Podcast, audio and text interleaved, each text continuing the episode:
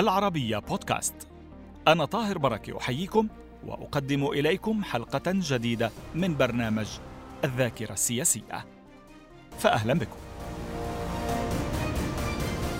في الحلقة الأولى من سلسلة يتحدث الرئيس الإيراني الأسبق أبو الحسن بني صدر عن الأيام التي سبقت سقوط الشاه في إيران وعن لقاءاته بالإمام الخميني في فرنسا حيث تقاسما حياة المنفى. أول رئيس إيراني في الجمهورية الإسلامية الإيرانية يكشف لأول مرة عن مضمون وثيقة أمريكية تثبت أن الخميني أبلغ الرئيس جيمي كارتر بواسطة السيد إبراهيم يزدي أن وصوله إلى السلطة يصب في مصلحتهم. وفي الحلقة سيشير بني صدر إلى أن الشاه رفض عرضا فرنسيا لاغتيال الخميني خشية التداعيات الخطيرة التي قد تنتج عن العملية في حال حصولها. أهلا بكم معنا فخامة الرئيس. شكرا لانضمامكم إلينا عبر العربية. شكرا لمجيئكم وأنا جاهز للرد.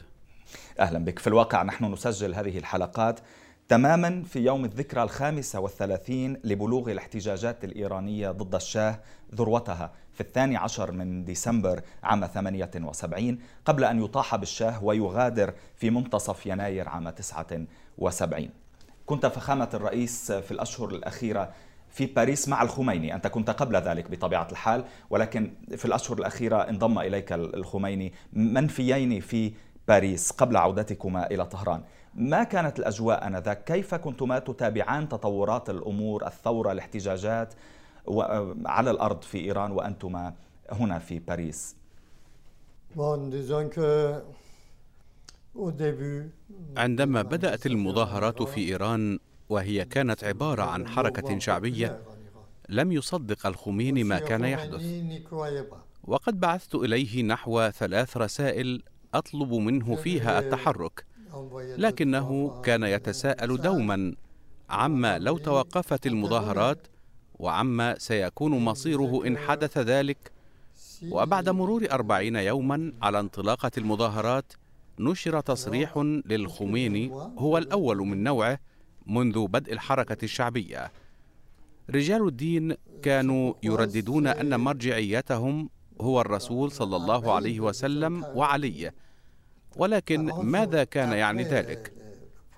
عندما وصل الخميني إلى فرنسا واجه هذه المشكلة. فأعددت له نصا يتضمن بين ستة عشر وثمانية عشر سؤالا. كان الصحفيون الموجودون في إيران وفي فرنسا يطرحونها في شكل يومي وأرفقت الأسئلة بأجوبة عنها وقمت بتنبيه الخميني إلى أنه يستطيع أن يقول كل شيء لو قرر البقاء منفيا في فرنسا.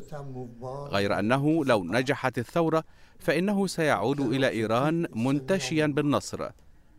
قلت له هذه أسئلة رئيسة تتطلب منك أجوبة دقيقة وواضحة وشفافة حتى يكون الشعب الإيراني والعالم بأسره على بينة من نظام الحكم الذي سيخلف الشاه وطبيعة المجتمع الإيراني بعد رحيله. وكان هناك سؤالان يتعلقان بمكانة رجال الدين في الدولة وفي المجتمع الإيراني وعن الفاشية الدينية. تعرفون أنها كانت المرة الأولى في تاريخ الإنسانية التي يتحدث فيها قادة الثورة يوميا إلى العالم وفي شكل مباشر. السيد الخميني تعهد بإعطاء الصحفيين أجوبة واضحة وهو ما اقترحته عليه. وتاليا أدرك الشعب الإيراني أن رحيل الشاه كان يعني استبدال الحكم الملكي بحكم الشعب وأن إيران الحرة والمستقلة ستخلف إيران الخاضعة لحكم ديكتاتوري وتابع لغيره. فخامة الرئيس إذا سمحت لي هل كان لديه خطة واضحة لما يريد أن يفعله بعد انتصار الثورة إذا ما انتصرت الثورة وغادر الشاه؟ هل كان لدى الخميني هذه الخطة؟ ومع من كان ينسق أو يتعاون دوليا؟ ما حجم الاتصالات واللقاءات التي كانت تحصل في الفترة الأخيرة؟ إذا كنت تقصد ما إذا كانت لديه فكرة عن ولاية الفقيه فالجواب هو كلا. فقد أوضح الخميني من فرنسا بأنه يؤمن بسيادة الشعب. وقد بدل الخميني موقفه حيال ولاية الفقيه خمس مرات في حياته. فقد تخلى أثناء إقامته في فرنسا عن مبدأ ولاية الفقيه الذي درسه في النجف. وانحاز إلى سيادة الشعب حيث طلب من بعض الأشخاص إعداد دستور للبلاد يرتكز على مبدأ سيادة الشعب. هل كان يفكر بمن سيشكل الحكومة في أعقاب رحيل الشاه؟ كلا لم يحدث ذلك في بداية الأمر. وقد زارني نجله السيد أحمد الخميني وسألني بناء على تحليل الخاص للأوضاع عما إذا كان الشاه سيغادر إيران. وعن احتمال سقوط نظامه فأجبته بالإيجاب لأن الشاه أصبح في مأزق وليس لديه خيار آخر. غير أن الحيرة كانت ترافق الخميني دائما فقد كانت تراوده شكوك كثيرة حيال التطورات في إيران. وقد تم شراء بيت هنا في حي فرساي ليقيم فيه الخميني في حال استعاد الشاه عرشه واضطر الخميني للعيش منفيا في فرنسا. لكن قبل رحيل الشاه بشهرين أو ثلاثة أشهر بدأ الخميني بالتكفل بإدارة الثورة داخل إيران والاهتمام بالقوانين الدستورية وغيرها من الأمور. غير الأمور الداخلية مع المجتمع الدولي ما طبيعة اللقاءات التي كان يقوم بها الخميني في باريس؟ مع من؟ هل أعطى وعودا آه، يعني للمجتمع الدولي؟ هل قطع وعودا من نوع ما في حال وصوله إلى السلطة؟ أثناء وجوده بفرنسا لم يكن الخميني يلتقي سوى الصحفيين. لأن اللقاءات مع ممثلي الحكومات سواء كانت الأمريكية أو الفرنسية أو غيرهما فكانت من اختصاص السيد صادق قطب زاده الذي كان يخبر الخميني لاحقا بفحوى اللقاءات. فخامة الرئيس تحاول دائما أن تصور الخميني في في كتبك في لقاءاتك السابقة. على أنه كان ضعيفا أو خائفا أو مترددا في تلك الفترة قبل عودته وهي غير الصورة تماما التي انطبعت في عقول الناس في العالم آه، أجمع عن الخميني قائد الثورة والرمز والزعيم والقائد الديني والذي وضع أسس الثورة الإسلامية في إيران وإلى ما هنالك. ماذا تقول في ذلك؟ السيد الخميني وطوال فترة حياته لم يقم إطلاقا بأي مبادرة. فهو كان يكتفي بردود الفعل إلى أن فارق الحياة. لا يستطيع أحد أن يقول إن الخميني بادر ذات مرة إلى القيام بشيء ما. وليعطيني دليلا على ذلك. سبق أن قلت إن الخميني تبنى موقفا حيال ولاية الفقيه خمس مرات في حياته. في البداية كان ضد هذا المبدأ وسئل في يوم ما عن رفضه لنظام الشاه وعن البديل له. فلم تكن لديه صورة واضحة عن هذه المسألة. فبحث في الكثير من الكتب ليعثر على كتاب ألفه الملا تراقي وهو من كبار ملال الحقبة الغجرية. فاعتمده لتدريس ولاية الفقيه. الوضع هنا في فرنسا كان مختلفا في شكل كامل. فالغرب كان على دراية بما يعنيه حكم البابا الذي مر به في العصور الوسطى. وتاليا لم يكن في وسع الخميني الحديث هنا عن ولاية الفقيه لأن ذلك يعني فرض نظام ديكتاتوري على الشعب بقيادة رجال الدين. لهذا تحدث هنا عن السيادة للشعب. وقد تم إعداد القانون الدستوري لإيران على أساس هذا المبدأ. بعد عودته إلى إيران بدل رأيه لأنه أصبح في السلطة. ومرة أخرى تطرق إلى مسألة ولاية الفقيه معتبرا أنها نوع من الرقابة.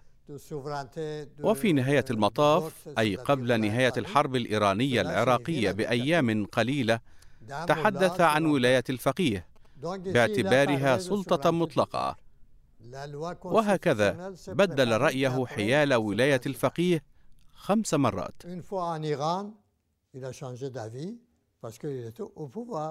ولكن أنت بقيت معه وساعدته في إبراز صورته. رغم معرفتك السابقة هو كان كتب منذ سنوات آه، كتاب ولاية الفقيه. وكنت تعرف أنه يؤيد آه، هذه الفكرة أو يؤيد ذلك ليؤطر آه، دولته الجديدة التي س يعني يقيم أسسها. ووافقت على ذلك مع أنك يعني رجل لنقل ديمقراطي أو سمي الصفة ما شئت لا تقبل بما سميته أنت في السابق ديكتاتورية رجال الدين. نعم. هناك قصة وراء الكتاب الذي ألفته عن ولاية الفقيه. فقد تلقيت رسالة من أحد طلاب الدين يقول لي فيها إن السيد الخميني أصدر فتاوى عصرية. فقلت له إذا كان الخميني لا يرى في الإسلام خطابا حرا فإن كل ما يفتي به سيناسب إما الرأسمالية الغربية أو الشيوعية السوفيتية ولن تكون له أي صلة بالإسلام. فأخبرني أنه سيسلم ردي إلى الخميني الذي اطلع عليه وقال إن السيد بني صدر محق في كلامه وقرر تدريس ولاية الفقيه التي ألف عنها كتابا أصبح متاحا هنا في فرنسا. فقمت بدراسته مع السيد حبيبي ولم نجد فيه شيئا ذا فائدة على الإطلاق. زرت النجف برفقة المرحوم والدي وتحدثت هناك إلى الخميني عن كتابه وقلت له هل تريد من خلال كتابك إقامة نظام حكم أبدي؟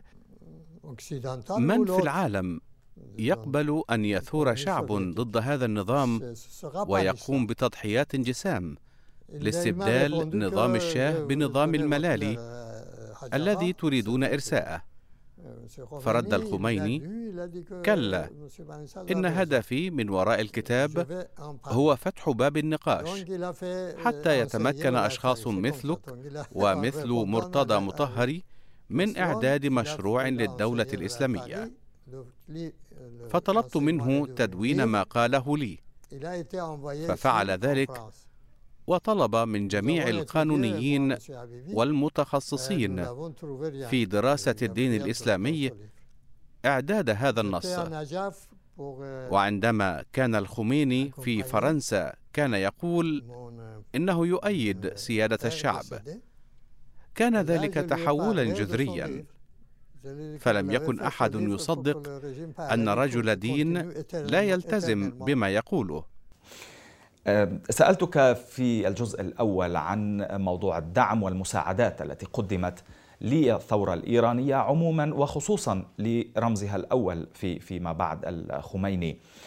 لم تجبني بوضوح عن حجم المساعدات والمعونات والدعم المعنوي واللقاءات التي حصلت من أجل ضمان آه، الدولة المقبلة في آه، إيران بعد سقوط الشاه. وهنا آه، أريد أن أعود إلى آه، غاري سيك مساعد برجنسكي رئيس مجلس الأمن القومي الأمريكي خلال إدارة جيمي كارتر رئيس الأمريكي الأسبق. يقول لم تكن معلوماتنا كافية حول الخميني وفريقه. نعم لقد فوجئنا بالثورة. رغم كل التفسيرات التي أعطيت نظريات المؤامرة التي يعني عملت آه، دائما في عقول الناس عن أن الولايات المتحدة والغرب هو التي أعطت الضوء الأخضر للإسلاميين للوصول إلى السلطة في إيران من أجل مصالح مشتركة متعلقة بضرورات الحرب الباردة. كلا لم تكن هناك أي مؤامرات. وهذه إهانة للشعب الإيراني إذ لا يمكن اطلاقا أن يثور أي شعب بأمر ما. والثورة الإيرانية هي الأولى من نوعها في تاريخ الإنسانية التي شارك فيها الشعب بكامله في شكل تلقائي. السيد الخميني لم يقم بقيادة الشعب الإيراني في ثورته بل العكس هو الصحيح أي أن الشعب هو الذي بادر إلى التحرك فتبعه الخميني في برقية بعث بها إلى الشاه قبل خمسة عشر عاما من قيام الثورة دعا الله ليحمي إيران من الثورة. وتاليا فهو لم يكن من دعاة الثورات ولم يكن على دراية البتة بالعوامل التي تدفع شعبا ما لأن يثور لإحداث التغيير وكان يجهل ما كان سيحدث في إيران. والدليل على ذلك هو أنه عندما وصل إلى إيران لم يكن يدرك أن الثورة كانت تعني تغيير المجتمع. هو كان يعتقد أن الأمر يتعلق بتغيير الشاه وأنه سيحل محله واستبدال العسكريين برجال الدين ليس إلا. مفهوم. ولكن فخامة الرئيس أريد أن أقاطعك قليلا إذا سمحت. حتى تحويل مسار الثورة التي كانت تق... التي تقول إنها كانت ثورة آه، وطنية عارمة عامة لكل الشعب الإيراني وليس فقط للتيار الديني أو لمن يدعمون هذا التيار. آه، حتى تحويل المسار إن توافق على كلمة تحويل مسار الثورة أو حرف الثورة عن مسارها كل ذلك حصل بدون آه، دعم بدون تآمر بدون تنسيق مع الغرب بسبب مصالح مشتركة ما؟ في ذلك الوقت كان الأمريكيون يعارضون في شكل قاطع الثورة. والفرنسيون ممثلون برئيس الجمهورية آنذاك فاليري جيسكار ديستان أرسلوا وزير داخليته ميشيل بونياتوفسكي إلى إيران فاقترح على الشاه تصفية الخميني إذا كان يرغب في ذلك. والشاه هو الذي رفض هذه الفكرة لأنه اعتبرها تنطوي على مخاطر جمة. لأن ذلك كان سيؤجج الأمور أكثر في في الداخل الإيراني؟ تماما. وقد انعقدت قمة لرؤساء الدول في غوادلوب وتم نشر الوثائق المتعلقة بها. وهناك رأى الأمريكيون أنه لا مناص من التخلي عن دعمهم للشاه كشخص وليس للحكم الملكي الذي كان يمثله. فلم يدعوا الشاه ولا الخميني واختاروا شهبور بختيار فيما كان الرئيس الفرنسي والمستشار الألماني يؤيدان بقاء الشاه في الحكم. ولما اتصل بي باختيار عبر أحد أقاربه وهو وزير الصناعة في حكومته من أجل التصالح معه. طلبت منه الاستقالة من منصبه كرئيس لحكومة الملك ليصبح رئيس حكومة الثورة بموافقة السيد الخميني لكنه لم يكن يصدق أن الخميني سيوافق على مقترح كهذا. وهو أمر توقعته أيضا. ورغم ذلك أخبرت الخميني بالأمر فوافق على الفكرة. وسترى لاحقا إشارة في كتاب الرئيس الأمريكي جيمي كارتر ومستشار الأمن القومي الأمريكي زبيغنيو برجنسكي إلى أن باختيار طلب إذنا من البيت الأبيض لقبول العرض الذي قدمته له. فجاءه رفض أمريكي قاطع للتعامل مع الخميني وجماعته. فالقول بأن الغرب كان يؤيد الثورة الإيرانية ولا يمانع في حكم رجال الدين لإيران هو أمر يناقض الواقع. فضلا عن ذلك الوثائق التي عثر عليها في السفارة الأمريكية في طهران والتي نشرت لاحقا بالإضافة إلى الكتاب الذي ألفه السيد ويليام سوليفان آخر سفير أمريكي في إيران وآخرون كل ذلك يثبت أن الأمريكيين في بادئ الأمر رأوا في حكومة مهدي بازرجان خيارا معقولا ومقبولا. ولكن مع الأيام أدركوا أن السلطة لم تكن في يد حكومة بازرجان بل كان يتحكم فيها الخميني. فبعد الثورة فقط وفي شكل تدريجي بدل الأمريكيون اهتمامهم لينصب على الخميني ورجال الدين بدلا من حكومة باذرجان فأزمة الرهائن في السفارة الأمريكية بطهران وفضيحة ووترجيت تظهران كيف تطورت السياسة الأمريكية قبل وأثناء وبعد الثورة الإيرانية. وهو ما سمح بإرساء ديكتاتورية دينية وفق مبدأ ولاية الفقيه وهي لا تزال مستمرة حتى اليوم رغم أنه لا صلة لها بالثورة الإيرانية. نعم. فخامة الرئيس في الأول من فبراير عام 79 عاد الخميني المنفي إلى إيران محاطا بحماس وتحية الملايين من الإيرانيين. نريدك إذا سمحت أن تروي لنا والي المشاهدين الكرام ذكرياتك عن رحلة العودة عما دار بينك وبين الخميني في الطائرة وعن وصولكم إلى طهران. عندما كنا على متن الطائرة لم نتبادل أنا والخميني ولو كلمة واحدة. قبل الذهاب مباشرة إذا سمحت لي قبل الذهاب في الطائرة كيف تقررت العودة أصلا؟ هل حصلتم على ضمانات آه، معينة؟ يعني لم تكن الأمور قد استتبت بعد هناك.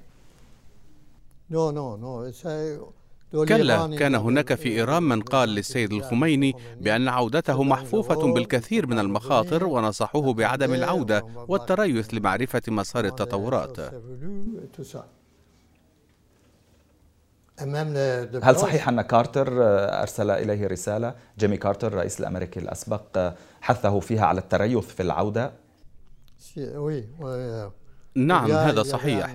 الرئيس كارتر بعث إليه برسالة يطلب منه فيها تقديم الدعم لبختيار والانتظار حتى يستقر الوضع ثم يمكنه العودة بعد ذلك إلى إيران وهناك وثيقة لم يكن أحد على علم بها بمن فيهم أنا شخصيا. نشرت قبل شهر تبين أن السيد الخميني بعث برسالة إلى الرئيس كارتر رغم أن الجميع كانوا يعتقدون أن الأمريكيين هم الذين راسلوا الخميني وتستطيع ربما ربما الآن أن تقول لي هذه مبادرة قام بها السيد الخميني. مضمون هذه الوثيقة هو أن السيد الخميني اتصل بالأمريكيين عبر السيد يزدي ليطلب من كارتر ثني العسكريين الإيرانيين عن تأييد حكومة بختيار وليخبره أن وصول الخميني إلى السلطة يصب في مصلحة الأمريكيين وأن ذلك سيمكن إيران من استعادة السلم والاستقرار. فهذا هو الخميني الذي وصف الأمريكيين بالشيطان الأكبر والذي الذي تظهر هذه الوثيقة أنه تبنى موقفا مناقضا لذلك حيث إنه اقترح على الأمريكيين منحهم وضعا أفضل بعد وصوله إلى السلطه في إيران فقد تم تبادل الرسائل بين الطرفين. اذا هو الذي أرسل الرسالة هو الذي بادر ومن ثم رد عليه جيمي كارتر بدعوته إلى تأييد حكومة بختيار والتريث في العودة. تاريخ الوثيقة التي نشرت هو لاحق لتاريخ رسالة كارتر التي يطلب فيها من الخميني التريث في العودة. فطلب الخميني من مجموعة كبيرة من الأشخاص أن يعطي كل واحد منا رأيه في شأن عودته أو التريث. فأعطيت رأيي مكتوبا وسردت إيجابيات وسلبيات العودة لكنني نصحته بالعودة وقد استجاب. وهكذا تم اتخاذ قرار العودة في بداية الحلقة المقبلة الثانية. فخامة الرئيس سنتحدث عن وصولكما إلى طهران وعن بداية مسيرتكما هناك نحو السلطة. شكرا جزيلا لوجودك معنا في هذه السلسلة فخامة الرئيس. هكذا نكون قد وصلنا إلى ختام هذه الحلقة الأولى مع أبو الحسن بني صدر أول رئيس إيراني بعد الثورة عام 79 شكرا لمتابعتكم وإلى اللقاء. thank you